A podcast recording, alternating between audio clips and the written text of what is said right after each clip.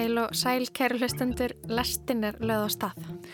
Við verðum svolítið í fortíðinni í þættinum í dag og það er aðeins tvent á dagskrá. Nostalgía og Vivian Westwood. En þegar ég var að vinna þá var rauninni, var hún svolítið, kannski, hún var svolítið hægt að kalla sig eitthvað fatahönnuð. Hún var ekki fatahönnur, hún var bara aktivisti. Og född eru kannski bara svona einhver leið sem hún notaði til að hérna, koma nafninu sinu áfram, þú veist, sem, og, og hennar hugmyndum. Mm -hmm. Þannig að það var rosalega mikið af mótmælum. Ég held að það sé þannig hjá öllum og þess vegna virkir nostálgi er svona rosalega vel, bara mannstu og nú er það farið og að þetta er svona þægileg, óþægileg tilfinning mm, nú er ljúfsár. Ég heiti Jóhannes Ólafsson og ég heiti Lofabjörg Björnstóttir og þetta er lestinn miðugudaginn 4. januar.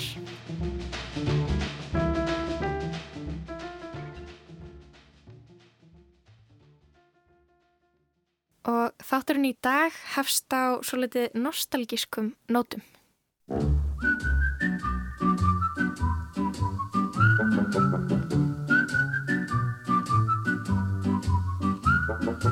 Magic moments when two hearts are care Senn líður að lokum jólaháttíðarinnar, tíma nostalgíu og hefða Og nýtt ár er framöndan. Þetta er tíminn sem fólk pælir mikið í hinuliðina og því sem framöndan er.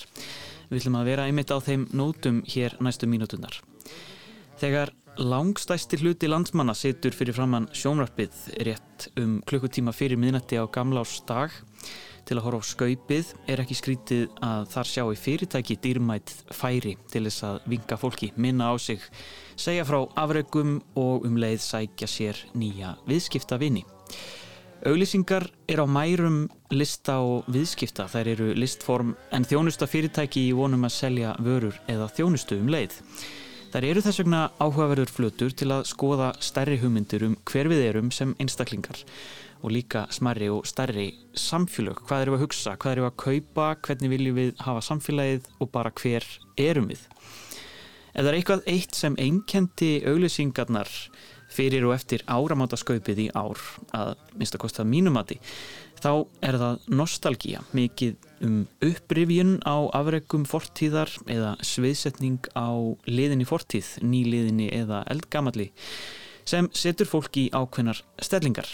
En erum við að velta okkur meir upp úr fortíðinni en áður og segir það eitthvað um okkar samtíma? Hinga til mín eru komin þau Lóarlín Hjámtíðstóttir, myndlistamæður og rituundur og Þorvaldur Sigurbjörn Helgason, bladamæður og skáld, verið velkomin. Takk fyrir. Takk fyrir.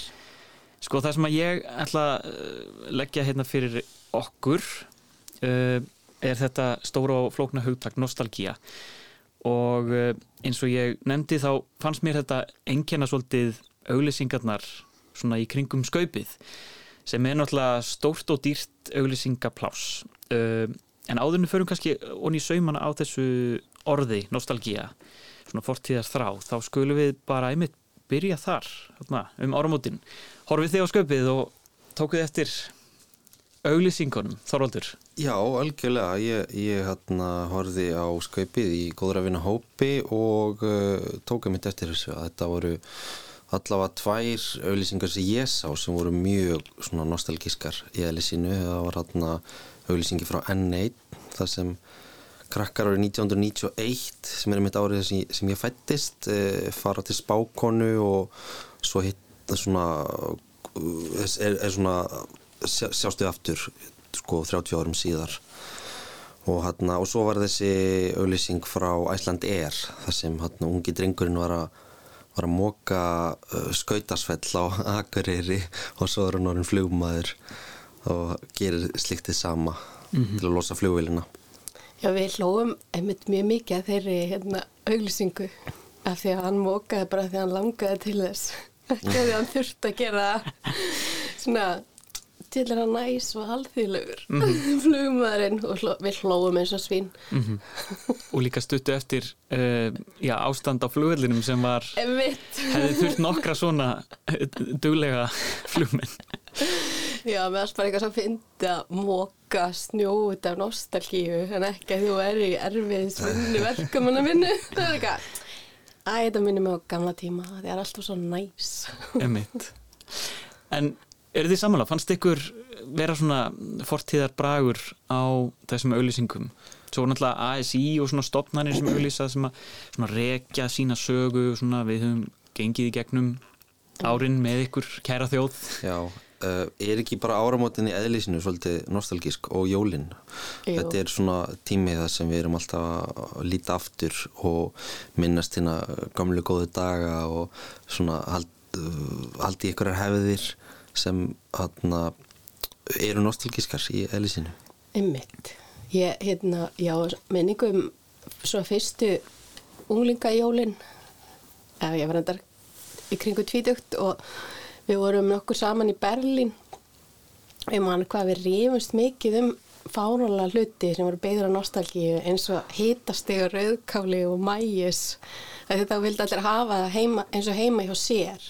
Við vorum öll með sömu meðleitis nostalgíuna eitthvað dósa rauð, eða skilur Já, voruð með bönir Já, í eitthvað Berlín? svona niður svo dót og bara, og hann bara eitthvað nei, rauðkálið er kalt heima með mér, og vorum að rífast í einhverju um mitt bara byggðu einhverjum svona hefðum sem að maður kannski alveg Mhm.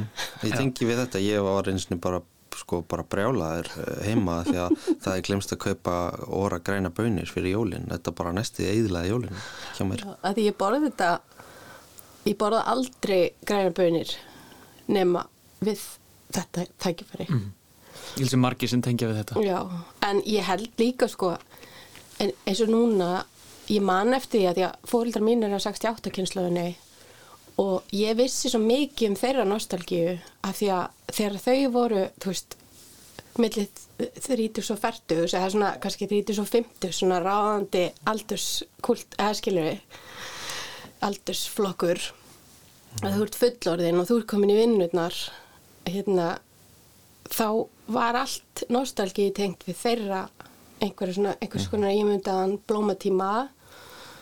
Og ég var bara eitthvað að horfa á The Doors myndina og, og þú veist, vissi svolítið mikið um Woodstock og var í einhverju svona tísku sem að var komin aftur, þú veist, eitthvað 20-30 ára síðar.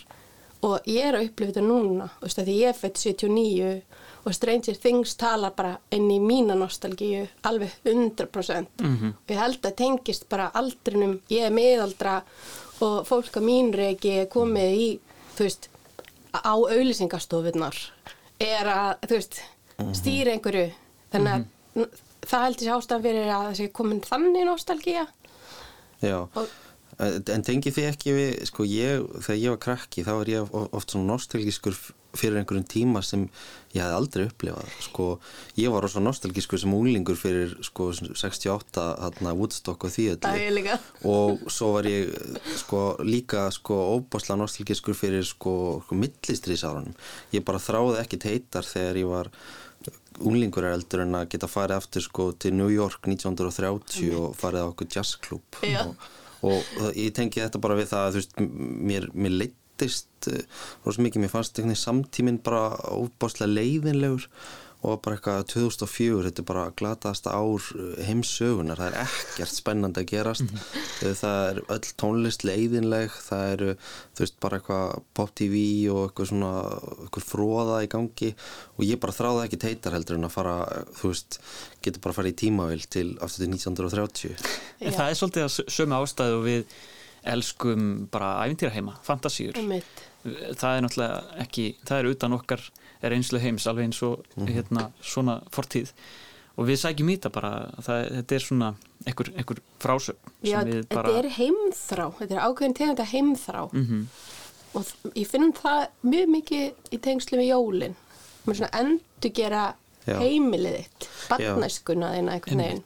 Já, no, þetta er svona, nostalgía er eiginlega sko, ég er búin að skrifa nefnir nokkra punkta hérna og ég skrifaði nostalgía er heimil í fortíðin Já, og það er þarna veist, ég held að margir hugsa þetta svolítið þannig að því að veist, fortíðin er náttúrulega eitthvað svona fasti og jáfnvel þó að fortíðin hafi ekkit verið, veist, hún var alveg uh, erfið og, og skrítin og fókt upp og, og nútíðin en að því að hún er liðin og er þar leðandi óbreytanleg þá einhvern veginn horfið til hennar með, svona, með, með, með hlýju Mhm. En hvenær vill maður fara heim? Því að þetta er svona fastið, þú vilt þú vilt fara heim þá kannski líður ekkit endilega vel sko þar sem þú Já, fjarrri að- heima, þú vilt komast heim í, í öryggið sko. Já, mér finnst það vera svona tímabila skipt eða af því að ég vildi fara út úr þessu og eiga óhefbundið og sótti í eitthvað svona algjörlega ólíkt einhverju sem ég ólst upp við. Og svo finn ég eftir því sem ég verði eldri. Þá bara svona, já, ég bara að breytast í fóreldra mína eða að breytast, ég held að umskiptinu hafi átt sér staða nú þegar Já. Akkurat, sko, mér langar að Og ég er nefnilega glemt að segja ykkur, ég ólst upp á auglýsingastofu 1980 til 90 eitthvað. Ok, það er magnað. Þannig að fyrir mér er þetta náttúrulega bara glory days, bara, Já, bara Örn Átnason, hemmi Gunn eitthvað í vinnunni í pappa mínum og allir að borða breykpinna og eitthvað svona Bessi Bjarnason í Tjúpa Tjúps auglýsingu og úst, fyrir, þannig ég fekk þetta alveg svona turboskamt af auglýsingamennskunni og þannig að fyrir mér til dæmis auglýsingar ég bara fyrir mér eru er auglýsingar æðislegar Já. og ég er ekki eitthvað svona oi, kaptilskur óþfri hvað hvort auglýsingum, þó ég sé alveg kannski hvort mörgu öðru ég, það er nostalgía fyrir mér og, og svona gleði og sköpun og eitthvað svona Akkurat. En auglýsingar sem vinna með fortíðina og svona sviðsetja eitthvað svona einhverja minningar, hvort sem það er nostalgía sem við upplifum eða eins og þú sagðir Þorvaldur, svona nostalgía sem við þekkjum ekki eða svona upplifum aldrei. Hvað er verið að gera með auglýsingum sem, sem gera þetta? Spila með fólk? já, er ekki bara verið að reyna að höfða til einhverju svona, einhverju svona ok okkar dýpstu þráa og langana að þú veist eh, fara aftur í þú veist líu þarna æsku heimilisins mm. örgistilfinning Emitt. Já, en ég held að það sé ekki svona meðvitt að vera að spila með einhvern að því að minna, fólki sem gerir þetta er náttúrulega líka haldið nostalgíu. Þetta er bara svona eins og ábreyður, eh, eins og til dæmis að hlusta á, á eins og bara laga með bakkalúti. Ef þú þekkir laglínuna undir, þá ertu móttækilegri fyrir læginu strax heldur en ef að þeir komi nýja línu og texta. Af því að þú ert bara svona, ég þekki þetta. Það er ekkert svona óþægilegt hér, ég veit hvernar hérna, viðlagi kemur hérna og, og þú fílar lagið, bara eins og ef þú hlustar nú ofta á Selin Dion þá finnst þér ekki óþólandi ég komst að því eftir mörg ár. Ég var eitthvað að söngla með einhverju lagi sem ég bara svona fekk útbrot af þegar ég var unglingur. Og hérna það var ég bara já það er ekkert að sverfa þig niður með, með því að láta þig hlusta okkur aftur og aftur aftur. Og það er aðgengilegra. Og ég held að nostalgía sé þannig þá ekki eitthvað svona hér er ókunnu hugmynd sem að þú þarft að svona feta þig gegnum. Bara þú veist alveg hvað er að gerast. Þú veist hvað heimurinn er. Bara já ég þekki þennan heim. Það er engin mikið samsýma þarna. Eða eitthvað. Já þetta er eitthvað svona örugt og, og kunnulegt og svona já bara svona eins og kunnulega andlit eða eitthvað. Já, og kannski líka bara svona pop tónlist allavega almennt að það svona, það kemur alltaf viðlagið aftur og þú svona, já, komin heim þú veist, Já. svona uh, struktúrin. Já, ég hef mitt hafið, þið- heyrt svona dægurlög svona æðar bara svona eins og bara Bjartmars lag Mhm. nema Bjartmars lag frá kannski Pólandi frá pólskum Bjartmari sem hefur ekki ferðast hingað. Og það er í einhverju svona að ég var einhvern tímann á karaoke og fólk var að syngja lög sem ég þekkti ekki úr öðrum menningar, sagt bara menningarheimum. Og ég upplifði þau eins og þau væru 11 mínútur en það voru bara þrjár. Af því að struktúrin var ólíkur poplægi fyrir mér. Bara alveg svo veist, fólk hérna bara eitthvað frá Kanada heyrir ekkert bara eitthvað bubbalag bara eitthvað nett, þú veist, já, já, við fílum það bara automatíst Já. af því að við þekkjum þetta. Þú veist, ég er ekki að setja út á bubbamúlið nei, ég er bara að segja þú veist, það er einhverjum kúlturlegt mm, akkurat.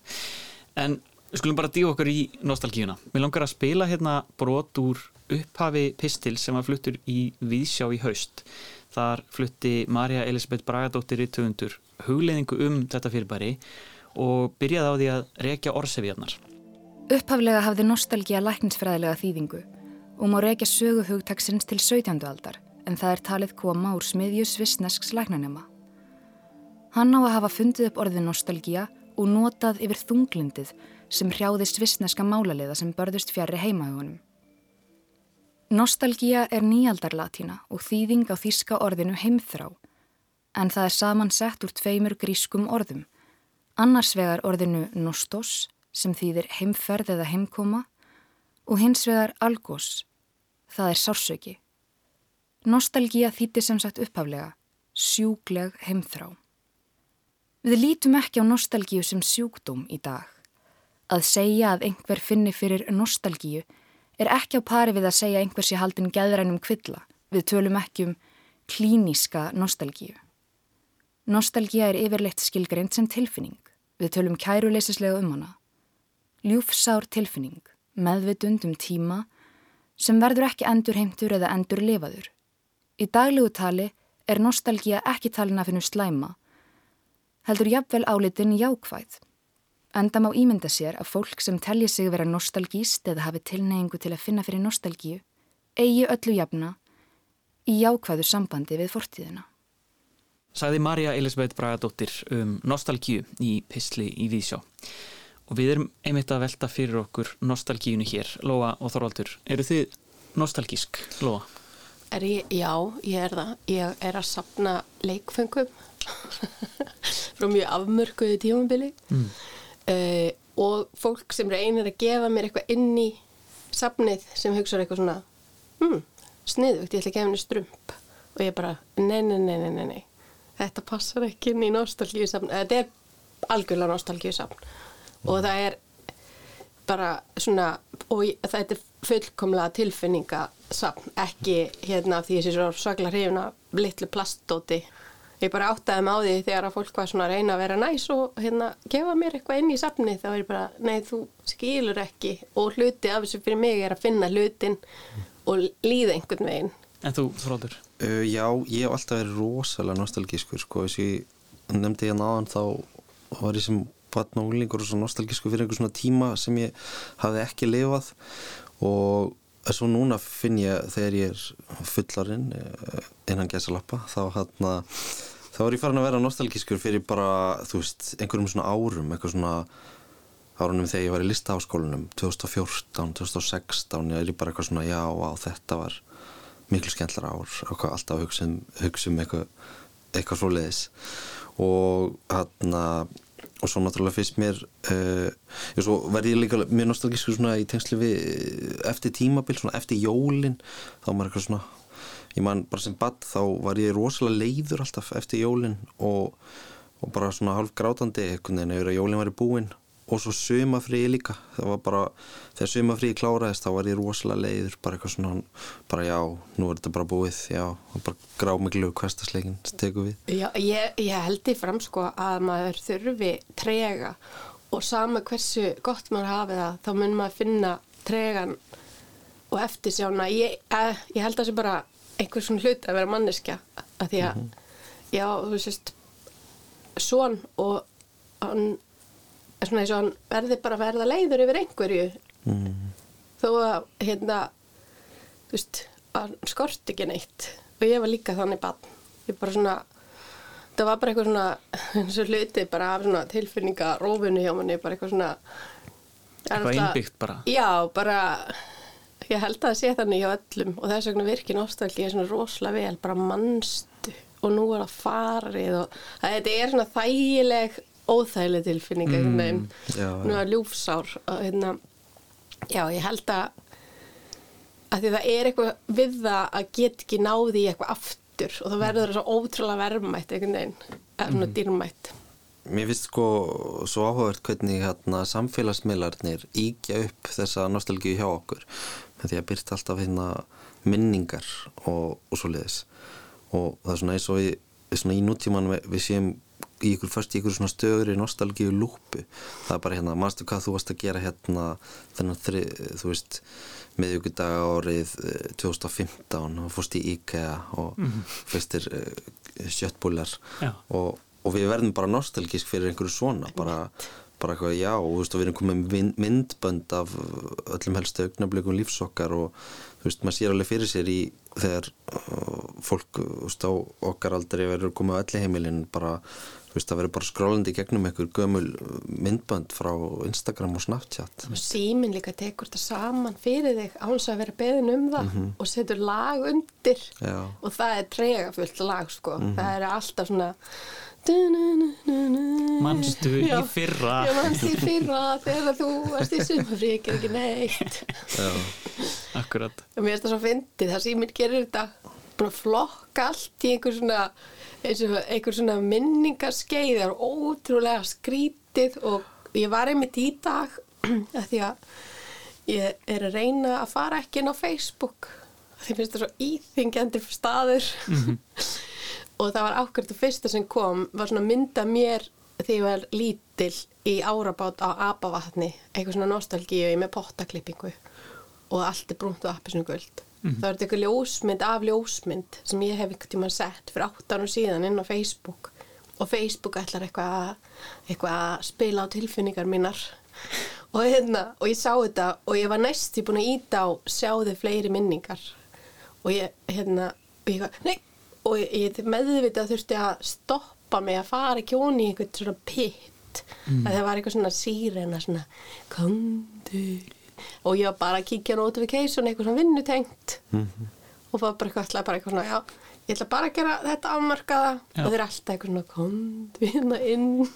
Lokkar þig. Já, með eigin nostalgíu. Og þetta var sko nostalgíja inn í nostalgíu þessi mynd var frá 84 eða eitthvað. Já, það er líka svona ákveðin klísja með uh, nostalgíuna að þú veist, tískan hún fyrir ringi uh, gömul tækni verður aftur vinsæl eins og vínilplötur uh, gömul tónlist og, og, og svona þættir og bíómyndir sem að annarkvort leika sér með fortíðina með því að sviðsetjana eða, eða bara horfa gamlar bíómyndir þá velti ég fyrir mér, er ekki bara samtíminn þá alltaf nostalgískur? Erum við ekki alltaf að leita einhvern veginn í þess, þetta heimili? Jú. Jú, ég held að, ég held að þetta sé bara ráðandi tilfinning okkar tíma, sko og hérna, þetta er nú reyninni kvót sem ég svona stál frá hérna, manni sem skrifaði bókum hérna, nostalgíu minn hann heiti Grafton Tanner mm. ég las ekki svona fyrstu kaplan í þessari bók og, og hérna, og mér finnst maður bara að sjá þetta út um allt, sko, ég sá bara í gær myndband á held ég Twitter þar sem maður var að sko, nota eitthvað svona app þar, þar sem hann var búin að setja app í síman sinn sem getur breytt Spotify í svona iPod þannig að, að hann gæti spilað það bara svona að það leit út hann var í símanu sínum en það leit út eins og hann var að nota gamlan iPod. Og þannig að núna þú veist, það er ekkit það langt sem við hættum að nota iPod það veist, þetta var bara í hitti fyrra sko, ég, og en nú er komið nostalgía yfir því. Þú veist, fólk er að, er, er að endurgera iPoda í, í hérna, snjálsýmum Hvað, hvað árætli séu við mest svona nostalgíu valdandi fyrir, eða það lítur að vera eitthvað svona æviskeið sem að lítur að hérna vera þess að opinn fyrir þessu og svo endurlefur það. Að því ég fæ aldrei nostalgíu svona, svona djúpa nostalgíu fyrir einhverju sem tengist bara einhverju milli 25 og 30 eitthvað svoleiðis. Með Já, þetta er, þetta er svona mótunar árin, svona gömlu góðu dagarnir, átján til 25 ára, er, er það ekki svona, og, og ég er bara fyrir, sko, ég er bara, þú veist, barnaskan upp í 25 ára. En sko, við, við erum að tala um svona upphafningu og, og, og, romantískar hugmyndir um fortíðina en við að vissuleiti höfnum fortíðinni líka að því að við viljum ekkert allt úr fortíðinni. Nei, við viljum ekki setja í bíl með fólki að reykja vindla til dæmis. Akkurat. Þannig að það, þú veist, við, við erum að svona velja og hafna. Við viljum kannski, já, við viljum það besta úr fortíðina en við viljum ekkert endilega lifa fortíðina, við viljum svona ímyndina fantasíuna Já, bara jólakortið af fortíðinni, ekki, þú veist, skuttufíluna, Já, þetta er svolítið- jólalíkingar hann tekur. góð, hann. En er ekki samt bara, er þá ekki nostalgían bara þetta eina sem við höfum? Það er bara þessi fasti eh, sem fortíðin er. Fyrst að hitt er aldrei fast í hendi, Já, en við er einhvern, einhvern veginn getum alltaf rifjað upp það eins og það var og, og fagna því á hátíðum eins og jólum. Já, mér finnst einmitt ekkert jólalegt nema að sé gamalt og gamaldags. Ég myndi aldrei fá mér eitthvað svona nútímalegt í jólaskraut. Ég er bara eitthvað að taka upp gamlar einhverja skrýtna hluti sem að vekja upp einhverja tilfinningar um mér og minningar. Ég, ég myndi aldrei já, ég veit ekki eins og hvernig nútímalegt jólaskraut lítur út það er eitthvað svona grátt og, og, og hvít. Minimalist. Hvítur málaður aðna trékuppur já.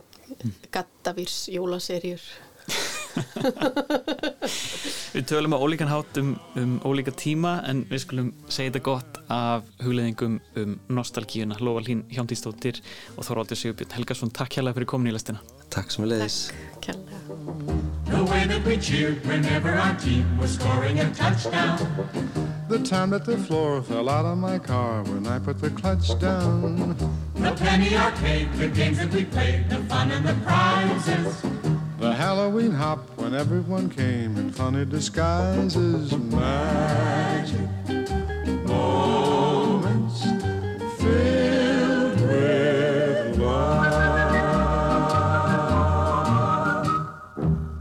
Magic Moments, þetta er bandaríski söngvarinn Perry Como í Nostalgíukasti.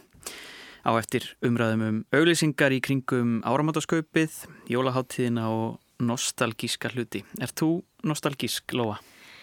Já, ég held það. Ég held að, einhvern veginn, erum við ekki öll alltaf í ykkur nostalgíu. Það er einhvern veginn svo ríkjandi tilfinning. Þetta sé allan á einhverjum tímapunkti á árinu, þá kemur einhvað svona, eða einhver smáatriði í tilverunni sem að svona vekja upp góðar, góðar tilfinningar sem að er, held ég, það sem að einkennir nostalgíuna. Það er þetta góða sem við tökum úr fortíðinni. Mhm, Og svo gleymum við öllu hinnu. Svo glemum við öllu þínu, nákvæmlega. Mhm, Það skiptir ekki máli. það væri erfitt að vera nostalgísk í sársöka og erfiðleika. Já, eins og Lóa saði í vittalinu, sko, við viljum náttúrulega gleyma því að það hafi verið, sko, að, verið að reykja vindla í bílum og enginn í bílbeltum og svona, þú veist, við viljum ekki taka það með okkur endilega, en svo, Já. kannski, það er pínu spennandi, Reyndar. Uh, þú lifir á brúninni. mm En við ætlum að fara úr auðlýsingum yfir í tískuheimin á dögunum bárust fréttir af fráfalli fatahunnaðarins Vivian Westwood sem var undir lok æfisinnar orðin já, nánast jafnengill aktivisti og hún var fatahönnur þó að það megi alveg færa rauk fyrir því að hún hafi kannski alltaf verið aktivisti. Við ræðum við Signíu Þórhalsdóttur sem starfaði fyrir Vivian Westwood í London í nokkur ár.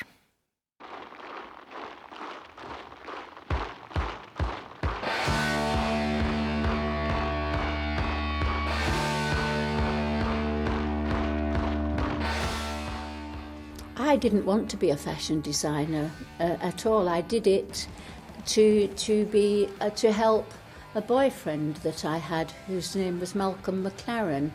Uh, Malcolm started to work on this group, the Sex Pistols, but we started in fashion together before that, and I started fashion to help him. I didn't want to do it.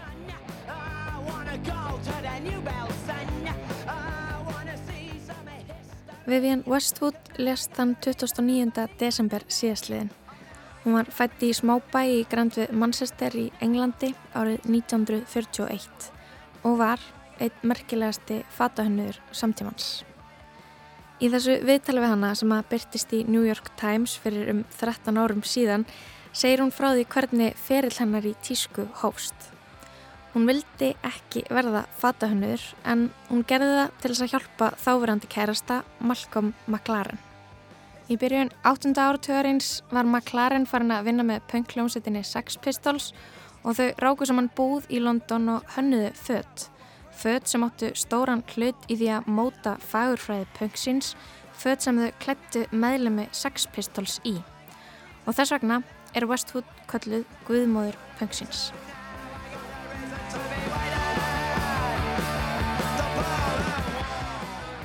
Well, I've been doing fashion for 30 something years, 35 probably. And I think it's only in about the last 15 to 20 years that I've actually enjoyed it. I'd never wanted to do it. I'm not, I don't say never. At the, at the, at the stage I want. Vivian Westwood langaði aldrei til þess að verða fatahönnur og hún þess ekki að hanna fött fyrir en mun setna á ferlinum. En Hún gerði það því að það var það sem hún kunnið að gera og hún var vöndi að sauma fött á sig sjálfa. Í hannun sína sótt hún innblástur í mótrjóla, leðurtísku, pin-up, stúlkur, BDSM, það var allt út í öryggisnælum og rennilásum í bland við hefðbundin efni eins og tartan, köplóta skotaefnið. Hún notaði kjúklingabein, keðjur og allt sem hann dætt í hug. Um, I just wanted to say that it was me that invented this anarchy sign. That was my symbol. That's what I thought. I thought we don't need all these horrible old people who've been running the world. Setna átti hún eftir að segja þetta um punktímabilið. The punk movement, I mean, that was just a fashion that became a marketing opportunity for people. And it, it's great nowadays to see young people dressed as a punk. But, you know, because it's entered into the iconography of I am a rebel and that's what I look like if, if I want to Punkið var kannski ekki ja, merkingaþrungið tímabil og fólk vildi meina þegar að leiti var í baksinni speilin. Punkið varð markaðsöflunum að bráð, var það tækifæri til þess að selja föt og hluti. Westwood talaði um að auðvitað er það frábært að sjá fólk nú til dags klætt upp í punktísku. Það er að segja með fötunum sínum ég er rebel, ég er uppreysnasegur en að segja að punkið hafi haft eitthvað trúveruleika sem alvöru andspyrnurheyfing stennst ekki að hennamati.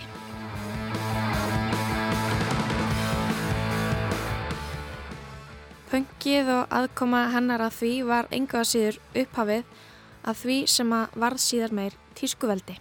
Hún ferði sig yfir í heim hátískunar og festi sig í sessi sem eftirtækt að verður fatahönnur. Og þó pöngi væri dögt, held Westwood áfram að brjóta reglur og augra hugmyndum samfélagsins.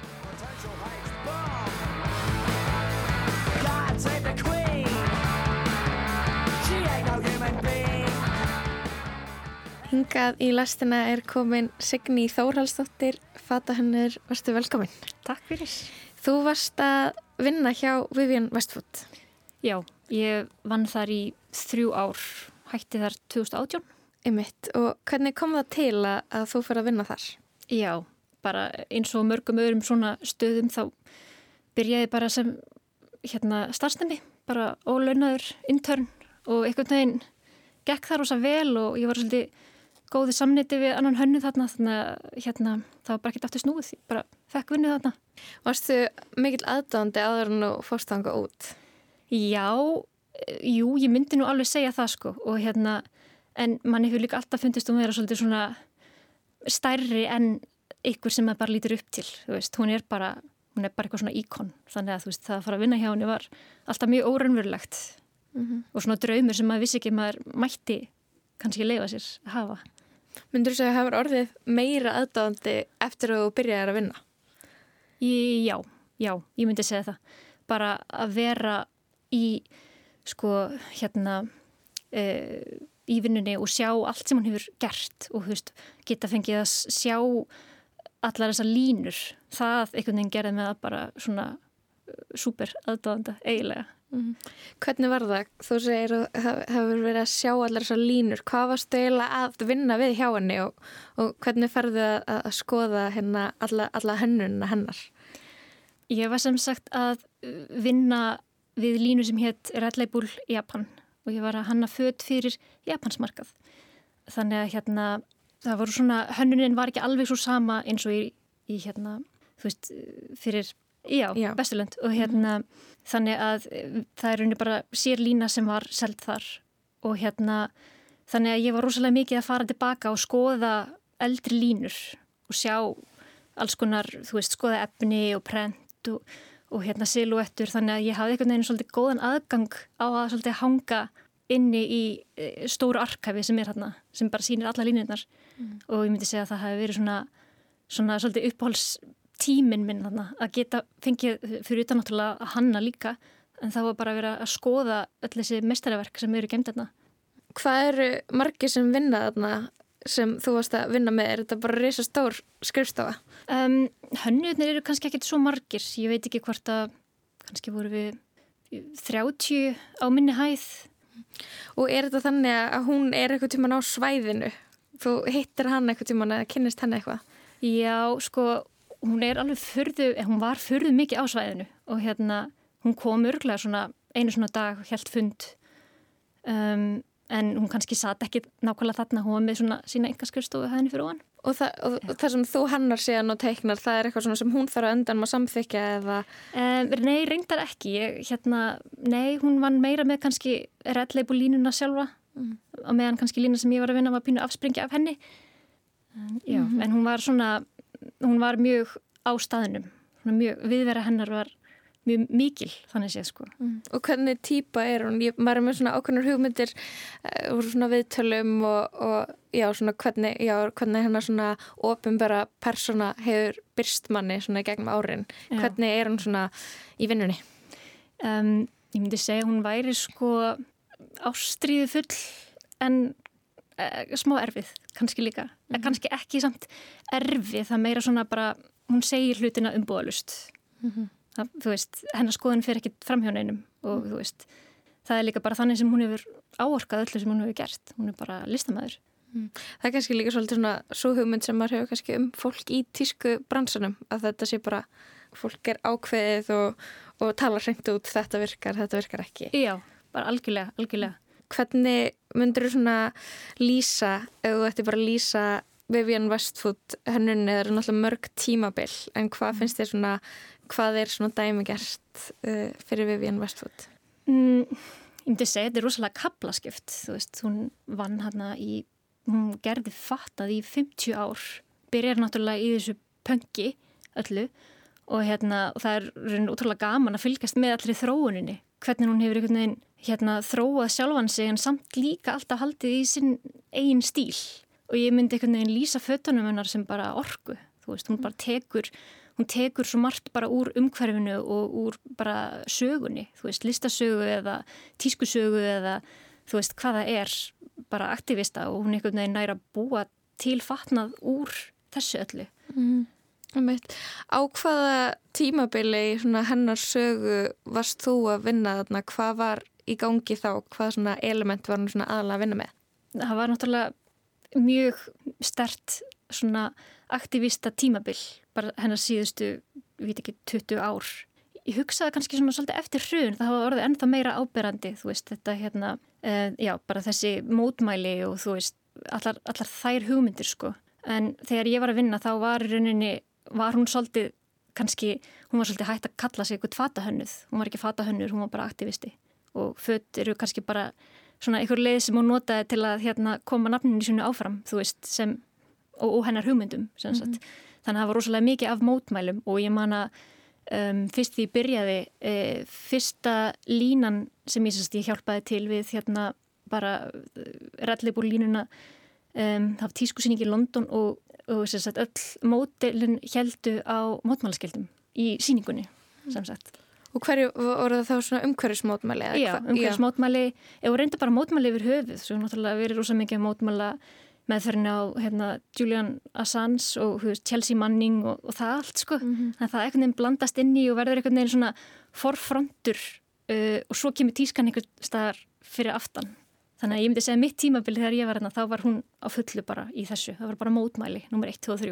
Mm -hmm. og við vorum líka hvert sjálf til að mæta á mótmæli og þú veist, mótmælin hennar og, og hérna sátum reglulega fundi þar sem hún var að ræða þessi málefni Mm. Þannig að fannst þér eins og hann hefur kannski tekist, ég menna hún alltaf, uh, þetta er í raunni reysastórt eitthvað einn svona tísku veldi, það eru þessar litlu handtöskur sem hún selur sem eru mjög dýrar og allir kjólatnir og, og þú veist, þetta er alveg bara svona beintengt inn í vestrana neysluhyggju og bara og, og allt ógslag dýrst og fínt og bara mm. þessi svona, ef eitt skuggalið tískuðinarinn sem alltaf bara textíl, eh, já textíliðnaðurinn, mengun af hans völdum. Mm. Var, þetta, var það einhvern veginn allt tekið inn í, var mikil sjálfsmeðutund um að bara, já við erum, við erum mótið þessu en við erum líka partur af vandamálunni einhvern veginn, eða mm. hvað finnst þér? Þetta er náttúrulega bara svolítið, já ég menna, svolítið erfitt og hún hefur alveg fengið mikla gaggrinni fyrir þetta, þú veist að hafa verið að vinna kannski með hérna PVC plast og, og póliester og allt þetta en á sama tíma er hún að mótmæla frakking og, og allt það sko. E, en aftur á móti sko ef maður er bara raunsar þá náttúrulega hún er búin að halda út í þessu fyrirtæki og hún áðað og það er henni rosalega sérstakt að, að svona stórt tískuhús sé bara haldast í sama eiganda allan annan tíma.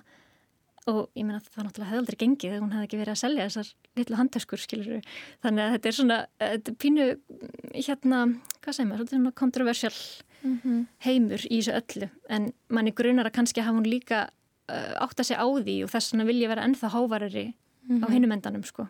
Einmitt, hún, hún svona þekkt fyrir að kveita til þess að velja, velja flíkutin eitthvað vel ekki, ekki já, einmitt, kaupa minna en á sama tíma náttúrulega líka reyna að selja fött og takandi þátt í öllum þessum, þessum sísonum af tísku það þarf alltaf hönnunin hættir aldrei mm -hmm. en voru þá eitthvað tíma að reyna að endurvinna eða eitthvað þannig? Uh, já og sko sko þegar ég var svona já síðasta árið mitt þarna þá voru rosalega mikla skipilagsbreytingar hún var að hætta með línur, hún var að leggja niður línur til að reyna að, að fækka bara hlutum sem fyrirtæki var að framlega hún var líka rosalega mikið að hérna, reyna að e, í staðin fyrir að vera alltaf komið nýtt og nýtt og nýtt sem verður það kannski eitthvað trend þá var hann að reyna að vinna alltaf með kannski ykkur gömul snið og þú veist, ykkur gamlar hugmyndir reyna að gera þær meira klassískar. Og svo var náttúrulega, jújú, jú, það var náttúrulega verið að ráða inn alls konar fólk til að reyna að finna umhverfisveitna efni og umhverfisveitni framlegslu hætti og, og svoleiðis. Þannig að þetta svona, já, þetta svona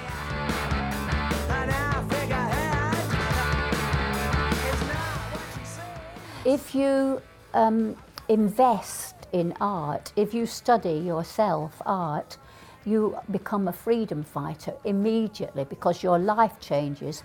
You get off the consumer treadmill, you start thinking.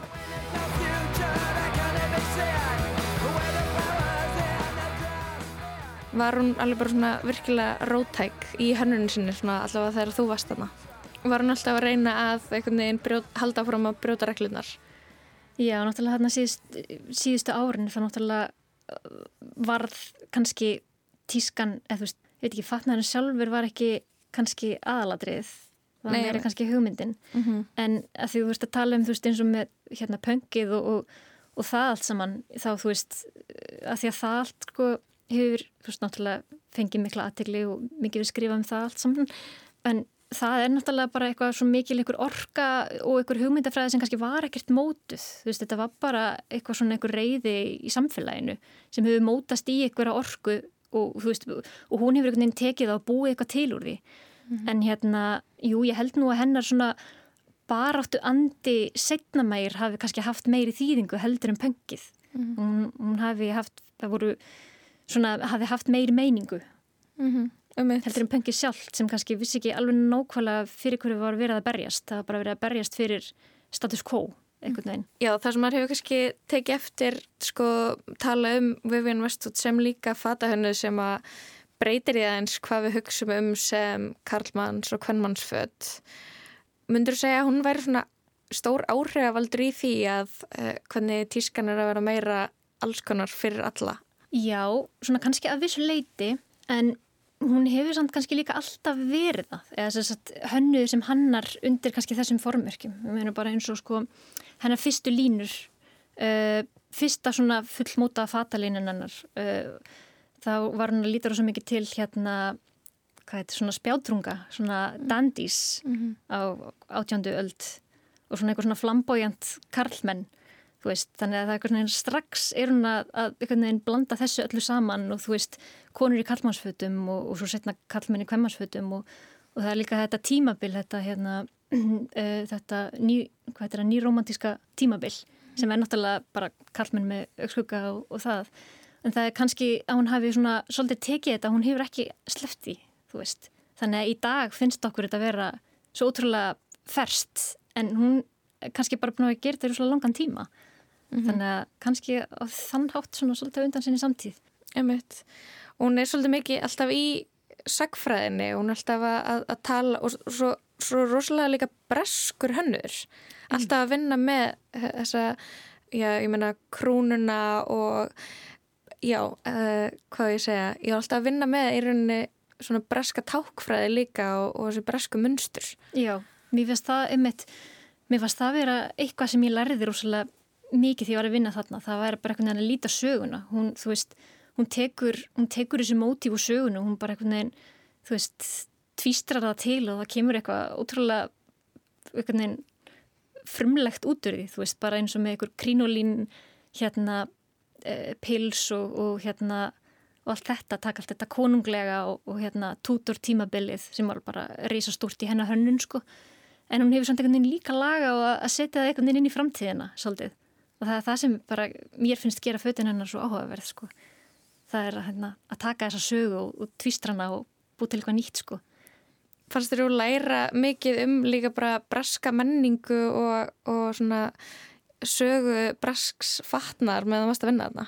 Já, bara algjörlega, algjörlega. Er hérna, um, þegar við vorum að vinna þarna þá sko, þá þú veist var ekki, ekki vel séð að vera að skoða einhverju trend eða þú veist, maður átti ekki að vera að skoða vók í vinnunni, maður átti að vera að skoða söpn, þú veist, við fengum að okkur var oft hérna gefið frí á fæstutugum og við áttum bara að fara á söpn og þá kannski ekki endilega nýlista söpn heldur bara fara á okkur söpn með gömlum málverkum og hérna skoða fötinn á málverkunum og skoða andan þar sko.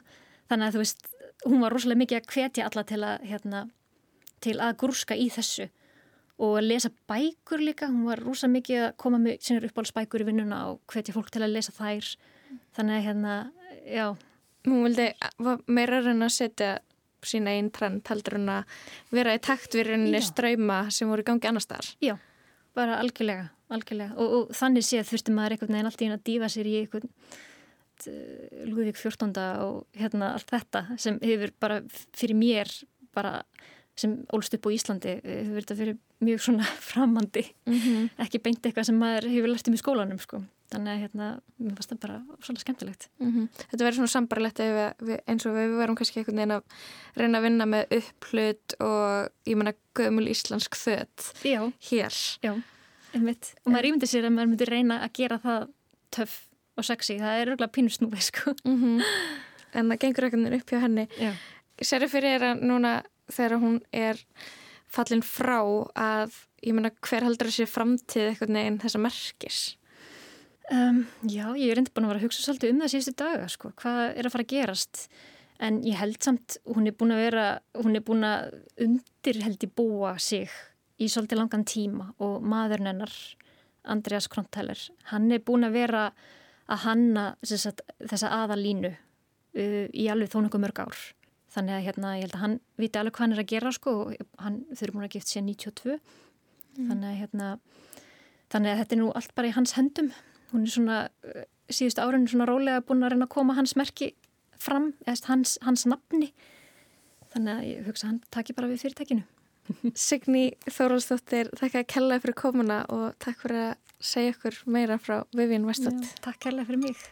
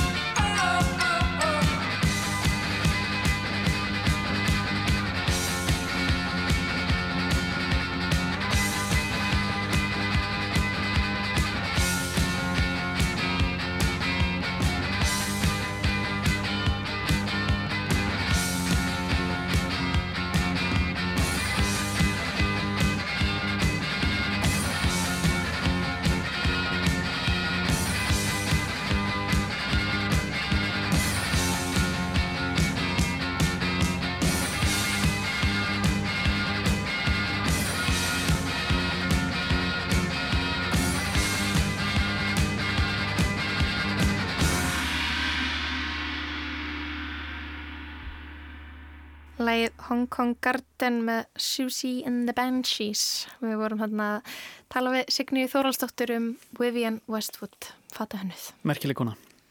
En lestin verður ekki mikið lengri í dag. Við verðum hér aftur á morgun á sama tíma. En við ætlum að hlusta á lag í lókin, en ekki? Já, við ætlum að heyra glænýtt Íslands lag sem kom út á þessu ári. Þó sé bara 4. januar, þá er strax komin út tónlist. Þetta er ný íslensk hljómsveit, hljómsveitin Sameheads og lægið Brother in Christ. Ég heiti Lofabjörg Björnstóttir, með mér er Jóhannes Ólafsson, tæknumæður í dag var Kormákur Marðarsson. Verðið sæl.